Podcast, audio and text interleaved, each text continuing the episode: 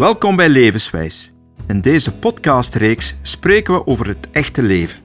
En een leven begint voor ons allemaal bij de geboorte. Vandaag bezoeken we Nicole de Weert in Mortsel. Ze is 70 jaar en via veel wandelen en vaak fietsen nog erg actief. Ze was vroedvrouw en heeft meer dan duizend kindjes op de wereld gezet. Een echte geboorte-experte dus. De tijden in de kraamkliniek of het moederhuis, zoals dat altijd plastisch wordt omschreven, zijn enorm veranderd. Jonge moeders worden nu tot en met begeleid. Elke echografie is een belevenis, een volgende stap. Maar nog niet zo lang geleden was het allemaal anders. Nicole kent de evolutie. Ze deelt met ons haar grappige verhalen en belevenissen. Ze vertelt hoe het er bij haar eigen bevalling toch iets anders aan toe ging dan ze had verwacht.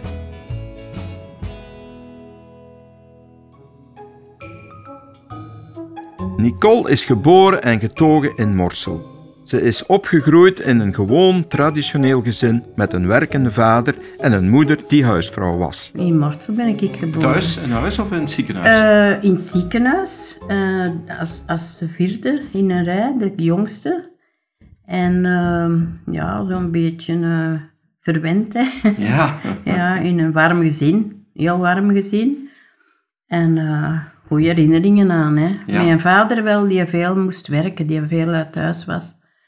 Maar mijn moeder was altijd thuis. Ik heb dus uh, dat ook het geluk gehad, hè, dat ik kon altijd naar school gaan en smiddags zo over huis komen eten. En uh, ja, dat was zalig, hè. De bus en tram naar Antwerpen passeren voor de etagewoning van Nicole en haar man, een gepensioneerd onderwijzer. Die tram voor de deur kwam maar goed uit, want ze was vroedvrouw en werkte heel onregelmatige uren. Ze heeft die job heel haar carrière met veel enthousiasme gedaan, herhaalt ze een paar keer. Wel van in het jaar 80 hebben wij hier gebouwd en dat had te maken met mijn job, omdat ik in uh, Lier kon werken. En dan hebben wij hier de grond gekocht omdat er de bushalte een beetje verder is. En omdat ik zo'n regelmatige uren heb, uh, was dat heel gemakkelijk. Ik stapte hierop en ik stapte aan de overkant eraf. En dat heeft heel goed gedaan dat wij zo dicht bij de bushalte waren. Op zichzelf vroedvrouw, dat heb ik uh, rond de 30 jaar gedaan, ongeveer. Uh, ik heb het niet heel de tijd gedaan, maar toch tot mijn mm, 47, 48, zoiets. Ja. Amai, dan heb je veel kindjes op de wereld helpen zetten. Ja, ja, helpen toch. En zelf ook. Enig idee hoeveel? Wel niet eigenlijk zo... Meer dan duizend? Ja, dat zou wel kunnen. Dat zou wel zijn, hè. Ja. Want ik heb dan uh, nog tien jaar um, loopwacht gedaan in heel het ziekenhuis. En uh, dan heb ik er ook nog een, een heel deel eigenlijk helpen geboren worden. Omdat ik daar dan kon, kon helpen. S'nachts was dat dan vooral. Dus uh, ja, ja, dat zijn er een heel deel geweest. Waarom kiest iemand ervoor om vroedvrouw te worden? Is het een soort roeping of was het uit noodzaak? Voor Nicole was het niet het eerste waar ze aan dacht toen ze haar studiekeuze maakte. Gelukkig was het een optie die ze zich absoluut niet beklaagd heeft. Wel eigenlijk redelijk laat, want het was het laatste jaar van de humaniora. En ik wou eigenlijk vertalen gaan studeren. En uh, nooit eraan gedacht. Uh, maar er was een, een, meisje die altijd met mij mee naar huis ging. We deden dezelfde weg. En die was altijd aan het vertellen van haar zus, die zo vroedvrouw was en hoe tof dat dat was en dat zij dat ook ging doen. En zo is dat gerijpt. Maar ik was dan eigenlijk zo laat dat ik niet meer kon ingeschreven worden. Dat was juli of zo. En normaal moest april inschrijven. En dan heb ik een, een heel jaar, nee, een heel jaar, niet een hele trimester in een zij, zij, zijbank zo gezeten met een tabouretje, omdat er geen plaats was. En dan uh, in december moest ze dan examen doen voor A1, want je moest A1 doen. En die niet uh, de vereiste punten hadden, die moesten naar de A2. En dan heb ik dus een plaatsje op een gewoon bank gekregen. Hè, dus, ja. En is dat vlot gegaan, die drie jaar? Ja, ja wel. Um, maar we waren maar met drieën voor uh, vroedvrouw te studeren. Ah, ja. En dat was een probleem in die zin Eén is er nog afgehaakt halverwege. Die had eigenlijk een klein accident, al een geen klein, een accident gehad in haar stageperiode. En die had zo'n schrik gepakt en die heeft afgehaakt. Dan waren wij nog met tweeën. Maar dus wij zaten voor de meeste lessen wel bij algemene verpleging. Maar die vroegen dan allemaal vragen voor ons getweeën. En, en een gynaecoloog voor ons alleen met tweeën. En we konden geen van de twee altijd antwoorden. Hè. Dus dat was niet zo leuk. Maar voor de rest, ja, ja. Dat en waren dat moeilijke studies? Ik vond dat wel, ja, ik vond dat wel. Uh, dat is drie jaar A1, maar in de tijd was dat twee jaar algemene opleiding voor gelijk de verpleging, hè, samen. En dan splitste dat. En dan kon je dus kiezen gewoon um, algemeen verpleging of sociaal verpleging of onder andere ook vroedvrouw. En daardoor zaten wij maar met, met drieën in het begin. Hè. en wist je waar je aan begon? Wist je wat het woord vroedvrouw inhield? Eigenlijk ah, romantisch, hè. Zo van, uh, oh, kindjes op de wereld uh, brengen, zalig en zo. Maar ik ben geschrokken van, van de stress en van ja, de moeilijkheid. Hè? Van de stress ook. Hè? Want ik wist niet dat je zoveel alleen stond ermee. Hè? Je stond uh, bijna altijd alleen op dienst. Ja. En herinnert je je uw eerste stage nog? Ik, ja, dat herinner ik mij. Ik, ik, heb gestudeerd in Antwerpen, in de Jodenbuurt eigenlijk. Dus dat was een Jood, dat weet ik nog. Het ging heel vlot, omdat dat ook weer zo'n vijfde, zesde kind was. Maar ik herinner me wel, die Joodse vrouwen hadden eigenlijk altijd een, uh, een pruik bijna op. Dus die pruik die ging altijd van links naar rechts, naar alle kanten. Dat was eigenlijk een, een grappig zicht, ja. Hm. Dus dat is eigenlijk goed verlopen, maar wij hebben bijna nooit alleen toen gestaan. Hè. Je moest wel die bevallingen doen. Je moest, uh, ik denk, 20 of 30 bevallingen zelf gedaan hebben onder begeleiding van monitrice was dat toen. Hè. En dan uh, dat moest je eh, zeker gedaan hebben voordat je kon starten hè, met werken. Mhm. En was het moeilijk om achteraf een job te vinden? Nee, in een tijd niet, want ik weet dat ik nog een maand uh, naar de zee ben getrokken, omdat er zoveel aanbiedingen was. En ik wou eigenlijk zelfs in Brussel gaan werken. Ik dacht, dan leer ik nog wat Frans bij. Maar ik moet zeggen, um, eigenlijk werd ik daar niet zo heel uh, met open handen ontvangen, omdat ik begon altijd in het Nederlands. En toen in een tijd, nee. Dan heb ik gezegd, ik kan het niet moeilijker maken, ik zal het bij ons wel zoeken. Een bevalling is een speciaal moment en de geboorte van een kind is een echt wonder. Nu nog steeds, maar natuurlijk ook vroeger. De tijden zijn enorm veranderd volgens Nicole. Heel lang was het de huisarts die de bevalling begeleidde, zonder echografieën of epiduralen. Het was een spannende tijd waar je soms echt voor verrassingen kwam te staan. Wel, uh, omdat je niks, niks wist. Uh, er was geen prenatale uh, onderzoeken geweest. bij 8 op de 10 toch niet. En dan kwam je voor van alles te staan. je, je had dan toen wel alleen maar een lepel noemden wij dat. Dat is zo gelijk een, een platgeslagen grote pollepel, waar dat twee um, darmen aan waren. Daar kon je de harttonen mee luisteren en dat hoorde dan maar, ja, twee minuten. En je moest met je hand voor de contracties en zo zien, zijn er contracties, hè, gaat het voort of niet. Maar soms dan die harttonen waren niet goed, dus, en dan kun je twee kanten uit dat herstelt zich of niet, maar je weet dat niet. Hè?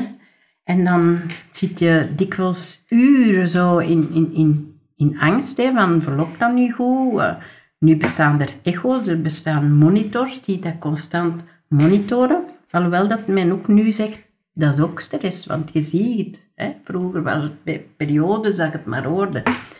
En ook bloedingen. Oh, bloedingen, die waren soms spectaculair. Hè? Dat je moest crossen naar beneden. Eh, naar de bloedbank voor bloed te halen en dat er moest ingepompt worden. In, dat zo uh, erg bloeden. Hè. Het was een heel verantwoordelijke job. Ja, ik vind het wel. En daarom pleit ik nu nog altijd ervoor dat er eigenlijk altijd ter plaatse twee zou moeten zijn. Of toch iemand die vrij kan gemaakt worden. Want nu is het zo dikwijls, ze kunnen komen helpen van moederhuis. Maar ja, daar staan ze ook met zo weinig.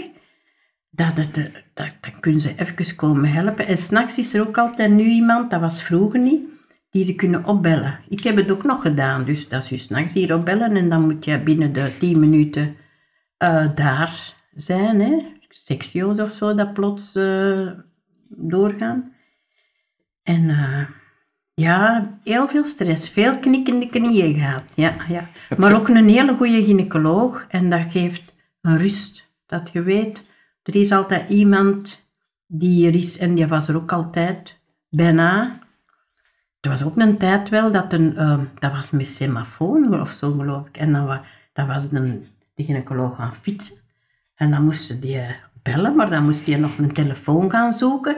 Dat zijn dan allemaal zo ehm, momenten dat je wel in stress afwacht. Hè. Ja. Heb je nog meegedaan aan thuisbevallingen?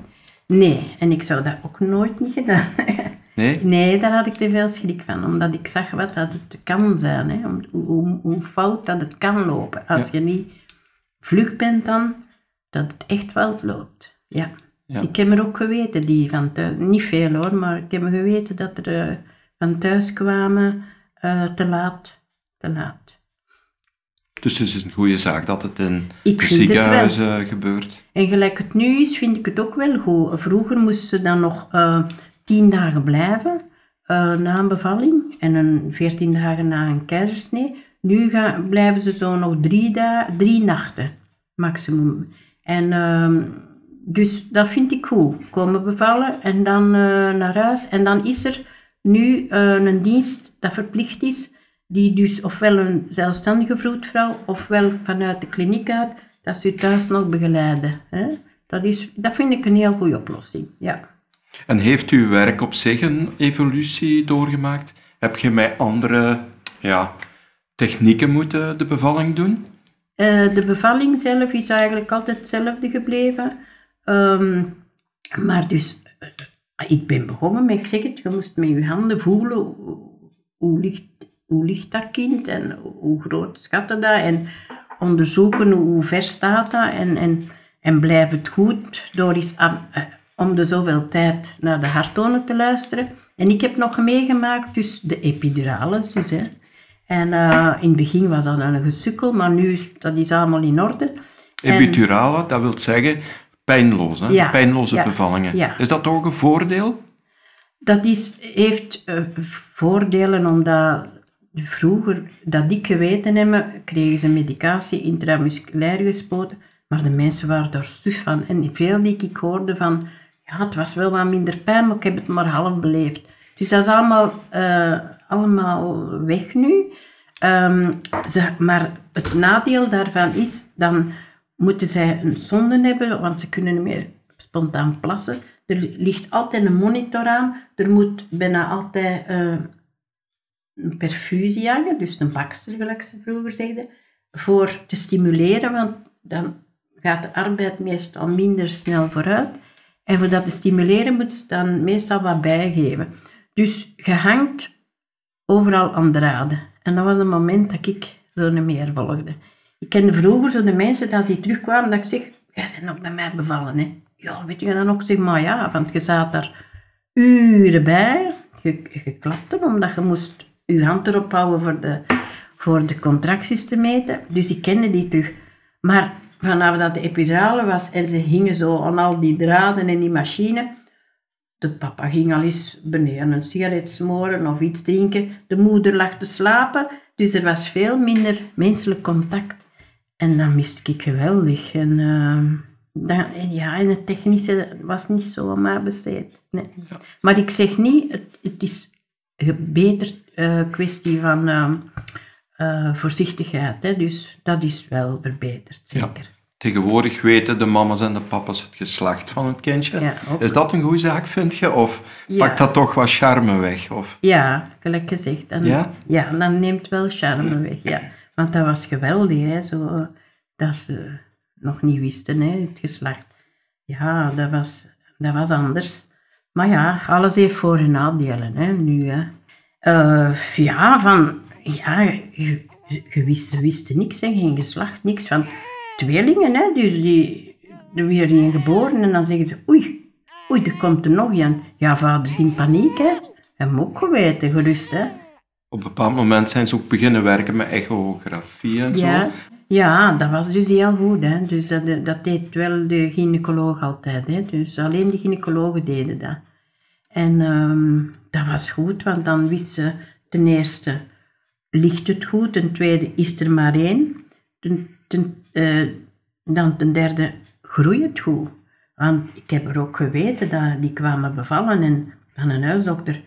En dan kwam er zo eentje van twee kilo uit, alhoewel dat dat negen maanden was.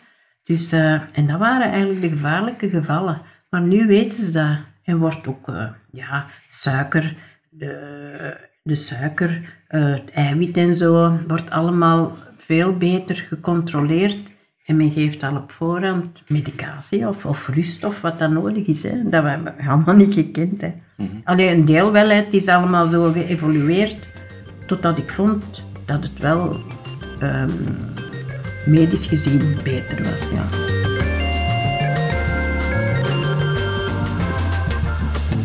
Tijdens een bevalling heb je als vroedvrouw niet enkel het leven van de baby in handen, maar ook dat van de moeder. Het is uiteindelijk een moeilijke job, waar je veel verantwoordelijkheid draagt. Gelukkig kwam Nicole terecht in een moederhuis waar ze goed werd opgevangen en begeleid. Ik moet zeggen, de tijden zijn ook geweldig veranderd. Want ik ben begonnen dat er een nonneke nog was als hoofdverpleegster.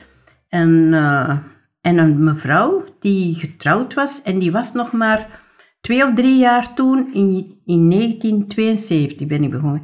En die was nog maar twee, drie jaar aan het werken. Want die mocht als getrouwde vrouw, mocht die niet in het ziekenhuis vroedvrouw zijn. Dus die heeft altijd zelfstandige vroedvrouw geweest. Maar die mocht niet in het ziekenhuis vroedvrouw zijn. En dus ehm, wij waren eigenlijk bijna altijd alleen daar. Gelukkig, je moet mij altijd gelukkig prijzen dat ik dat nonneke had, want dat was een geweldige zuster. Toen van in de 50, denk ik, als ik begon. En die was er altijd. Die, die was daar in het klooster. Die had vroeger alles alleen gedaan met ja, vrijwilligsters, moeten bijna zeggen. Dat die heel de, het moederhuis en de verloskamer, alles was voor haar alleen. Dus dag en nacht moest die werken. En, ehm, Die leefde daarvoor. ja, die leefde daar helemaal voor. Echt waar. En dat was een, een heel verstandige ook. En, en, en een nonneke met, met haar twee voeten op de grond, die dus het leven kende en die veel begreep. Dus dat was een zaligheid om met te werken. In die tijd, dan was er eigenlijk heel veel leerlingen toen. En eh, een monitrice. En dus je werd altijd eh, omringd door volk die je hielpen toch als het druk was. Maar uh, gelijk s'nachts en, uh, en in de namiddag als je alleen stond. Dus dat was, en dat is nog, niet goed. Want je staat alleen en je, weet niet wat er gebeurt. En het kan dikwijls zo plots zijn en zo acuut. En dan, uh, ja, dan is het uh, moeilijk en dan is het gevaarlijk en dan is het stress. Ja. Je weet, ja, als, als er daar iets is, dan is er iemand die op die andere plaats kan zien of zo. Want helemaal in het begin, dan moest, moest je, dan was er bijvoorbeeld een keizersnee, dat was helemaal drie verdiepen naar beneden, dat was de operatiekamer. En dan moest je crossen naar daar met een doek, dat kind aan, aanpakken, roefel naar de couveuse en terug naar boven. En dan moest je ondertussen zeggen van moederhuis, waar dat ook maar één, één iemand stond, houd dat daar eens even in door. Maar dat was dan ook geen vroedvrouw, dus ik heb nooit iets meegemaakt, maar dat zijn toeren dat je zegt, we willen niet meer beleven nu. Hè. Zo is het nu niet meer. Hè. Uh, wij hebben nog als, als, als uh, leerlingen, zelfs als ik vroedvrouw studeerde, moest ik s'nachts alleen een moeder volgen. En, en dan kon ik bellen naar het nonneke die toen in Antwerpen daar was, die sliep. En dan zei hij, ja, bel de gynaecoloog dan maar. Hè. En dan stond die gynaecoloog daar en ja, dat was er nog mijlen van, want je moest dan nog leren. Hè. Dus die toestanden zijn gelukkig allemaal achter de rug. De geboorte van je eerste kind is iets dat iedere ouder zich perfect herinnert. Maar is dit ook zo voor Nicole? die onwaarschijnlijk veel kindjes op de wereld heeft gezet. Ze maakte veel mee, maar het zijn vooral de grappige verhalen die haar bijblijven. Oh, niet, niet, he- niet, niet helemaal zo, maar ik weet dat het goed verlopen is. Zo. Dat weet ik wel.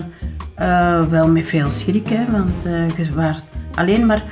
Ik zeg het, er was bijna altijd ofwel een huisdokter bij, ofwel de gynaecoloog. Hè, was er wel altijd bijna bij.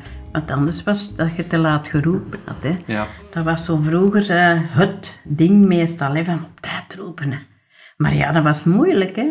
Want die moesten dan van, ik weet niet waar komen, van Kesselen, van Nijlen en zo. En dan, dan degene die het niet graag zelf deed, die zei, ja, ik heb voor de spoorweg gestaan, dus ik kon niet verder. Die wisten, ze zullen dat dan zelf wel doen, hè. En uw laatste, uw laatste geboorte, herinnert je u die Ja, dat was eigenlijk als ik dus loopmaak deed en dat ik dan ben gaan helpen. En daar heb ik eigenlijk zo een, een minder goede herinneringen aan. En Spijtig genoeg, want gestopt zo. Hè. En dat was een moeder die links binnenkwam via de spoed. En ze riepen mij dan op voor te komen te helpen. En die is in een auto gebo- ge- bevallen, dus ik heb dat kind genomen. Maar ik was zo, oh, dat kind moet verzorgd worden. Ik ben er dus mee naar de couveuse gelopen. Maar ja, die, die mevrouw, die, ze hebben die daar dan verder geholpen, maar die was zo wat in paniek. Dus dat herinner ik mij nog goed, dat ze belde zo van, zeg, waar is dat kind naartoe? En ehm, ja, ik, dat hadden ze beneden dus ook gerust kunnen verzorgen. En dat was dan een beetje leuker geweest voor die mevrouw. Dus eh, dat was een ja, minder goede herinnering, maar ja, het niet altijd gelijk gedenkt, hè. Eigenlijk een grappige dingen dat ik vooral mij herinner. En dat was ehm, een, eh, een koppel die zo echt eh, helemaal eh, gekleed waren alsof dat ze naar een feest gingen. En een man met een kostuum aan en een plastron en een valies voor, goh, voor een maand op verlof te gaan, denk ik. En eh, dus die gingen daar, ja, eh, voor het eerste kindje komen en die wisten natuurlijk niet wat er ging gebeuren. Maar, dus dat ging zo nogal rap vooruit met veel pijn. En op de duur heb ik moeten de huisdokter bellen, die ik ook niet kende van, ik kan dat hier niet blijven doen, want eh, die mevrouw krijg ik niet meer rustig. En eh, ondertussen was die meneer al opgangen aan zijn plastron. En ehm, dus er bleef niks meer over van, dat- van die mooie uitrusting allemaal. En dan kwam die een dokter en die was eerst zich komen voorstellen met zo'n een, een hoedje op en met een, ehm, een, wandelstok, want hij ging dineren met zijn vrouw. En dan eh, kwam hij van dat diner kijken en helpen. Hè. Maar die begon dan te vloeken op die mevrouw en op die haar te kletsen. Dat ik zeg, dokter, ik zal het wel verder oplossen. Dus dat was zo, ja, iets dat je niet verwachtte als ze binnenkwamen en dat helemaal aftakelde. En, een- en een dokter die begint te vloeken, had ik nog nooit niet gehoord. maar voor de rest is dat goed verlopen. En, eh, Ook vaders die flauw vielen of begonnen te wenen waren geen uitzondering. Dat waren gelukkig meestal tranen van geluk, vertelt ze. Ieder kindje is een wonderlijk wezentje. veel vaders die, die, die flauw vielen. Ja, ook veel meegemaakt. dat je niet wist wat eerst doen, hè. Eh, ja, je maakte wel wat mee, ja. Dat is En waar. vaders die wenen waarschijnlijk. Heel veel. Heel veel tranen gezien, maar meestal van, ja, van emotie, hè, van, van geluk meestal. Hè, dus dat was wel mooi eraan. Hè. Is het het wonder van het leven? Ja, ja, wel. Ja, bij de meesten toch. Hè. Was altijd wel eh, gevallen waar dat het eh, niet welkom was en zo. En dan, ja, dan was het anders. Hè. Maar het is toch wel, eh, ja, een wonder. Dat is waar. En dat het allemaal zo, in de meeste gevallen, zo perfect allemaal is. Hè. Een kind dat geboren wordt. Hè. Maar wat dat dat allemaal moet door, doorgaan. En toch is dat, heeft dat alles. Hè. Een bevalling is iets speciaals. Je kan het je ook niet inbeelden als je het niet hebt meegemaakt. Nicole heeft zelf één kind. Haar eigen bevalling verliep heel vlot. Ze was goed voorbereid, of dat dacht ze toch. Ik toch, ja, dat dacht ik, maar het leek wel een beetje anders. Zo. Ja, vertel eens. Ja, ik was nachts was het begonnen en eh, ik dacht, ik, ik, ik ga, ervoor had ik gedacht, ik pak nog niks in ze. Dan weet ik wat doen als de contracties komen. Maar dat ging ineens zo vlug, dat ik er alles heb ingegooid, maar in die valies. En dan uh, mijn man wakker en ik zeg, ja, we moeten vertrekken. Allee, de auto in. Een handdoek in mijn linkerhand, een handdoek in mijn rechterhand. Maar niet op de zetel. En het eerste dat er gebeurde als ik kinder was, mijn water brak dus. We hebben nog geluk gehad dat dat in de auto was. Dus ik zou moeten geweten hebben dat dat wel kon. Hè. Dus, Ja, ja. Maar dat was dus niet. En dan mijn man zei, wat moet ik nu doen? Ik zeg, doe al die pommetjes maar in de kast. Hang die maar op. Wetende dat die toch terug in die valies moesten, want je moest dan naar het moederhuis. Hè. Maar ik ben binnengekomen en ik ben, binnen het half uur ben ik bevallen. Dus dat ging allemaal zo vlug. En dan heb ik altijd gezegd, dat kan ik niet. Dat ga je niet. Dat kan ik niet. Maar dat, ja, dat gaat vanzelf, hè, meestal. Ja, En zijt jij bevallen in de kliniek waar je werkte? ja, ja. ja. En met de gynaecoloog waar je... Ja, ja. Mijn, eh, En uw mijn collega's? goeie- Ja, ja, ja, ja, ja. En, eh, maar die, die hebben niet veel bij mij kunnen zijn, want die moesten ook springen voor alles klaar te zetten, hè, omdat dat zo vlug ging. Maar eh, ja, ja, en mijn eh, zusterke, mijn baas, is dan ook nog speciaal komen helpen. Dat was heel zalig. En een zondag en, het, en dan dat kind op de kamer, oh, zalig was het. Ja, dat herinner ik me goed. Met een goede, hoeveel zon in de kamer was zalig, hè. ja. En je zult goed in de watten gelegd zijn Ja, waarschijnlijk. zeker. Maar ik heb wel tien dagen gezegd, dat verdorie pijn. Amai, ja, dat was nog niks in een tijd, hè. Dat was, dat deed pijn, ja. En heeft dat uw job veranderd achteraf? Ja. Zijt jij u anders beginnen opstellen? ja, Of? in het begin Ja? toch wel, denk ik. Maar na een tijd vervaagt dat wel, maar in het begin wel. hè, Dat je zegt, In welke zin dan? Ja, dat je rapper al zou gezegd hebben, moet je niks kunnen hebben voor de pijn, zo, hè, dat ik ervoor denk, dat moet nog kunnen. Hè. maar, en dan mochten ze in mijn handen en zo nijpen en ik heb dikwijls met blauwe plekken naar huis gekomen. Maar toen dacht ik, het zal nog maar een beetje bijgeven. Sommige jobs geven meer voldoening dan andere. Vroedvrouw zijn was super, glimlacht Nicole. Moest ze opnieuw mogen kiezen, ze zou het onmiddellijk herdoen, want het was leuk, heel leuk. Ehm, twee dingen. Dus ehm, de geboorte zelf. Hè, dus dat- die interactie tussen die mens bij de geboorte, dat is geweldig, elke keer terug. En ook eh, eh, de band tussen vroedvrouwen onderling was ook altijd goed. Wij zagen elkaar dikwijls maar met de aflossing. Maar eh, hoeveel uren dat wij samen gesleten hebben als het kalm was of zo. En, en, eh, en eh, we er daarin in, in helpen en, en je kon daar je, je problemen eens kwijt of, of, of je tegenslagen of wat dat je meegemaakt had. Hè. Want ik zie nu nog, nog altijd minstens vijf vroedvrouwen van de tijd eh, constant nog. Ja, om de ma- maand, twee maanden komen bij elkaar. Ja, en de anderen zie ik ook nog regelmatig, hè, maar dat is echt zo'n band. Hè. Het is een heel ehm, vervullende job, zal ik zo zeggen, ja. Ja, ik vind het een heel schoon job, ja. Bedankt om te luisteren. Willen jullie meer verhalen zoals dit horen? Pik dan andere afleveringen van Levenswijs mee. Je vindt ze op onze website levenswijs.be of op je favoriete podcast-app. Vergeet ook niet om ons te volgen en deel de afleveringen met je vrienden.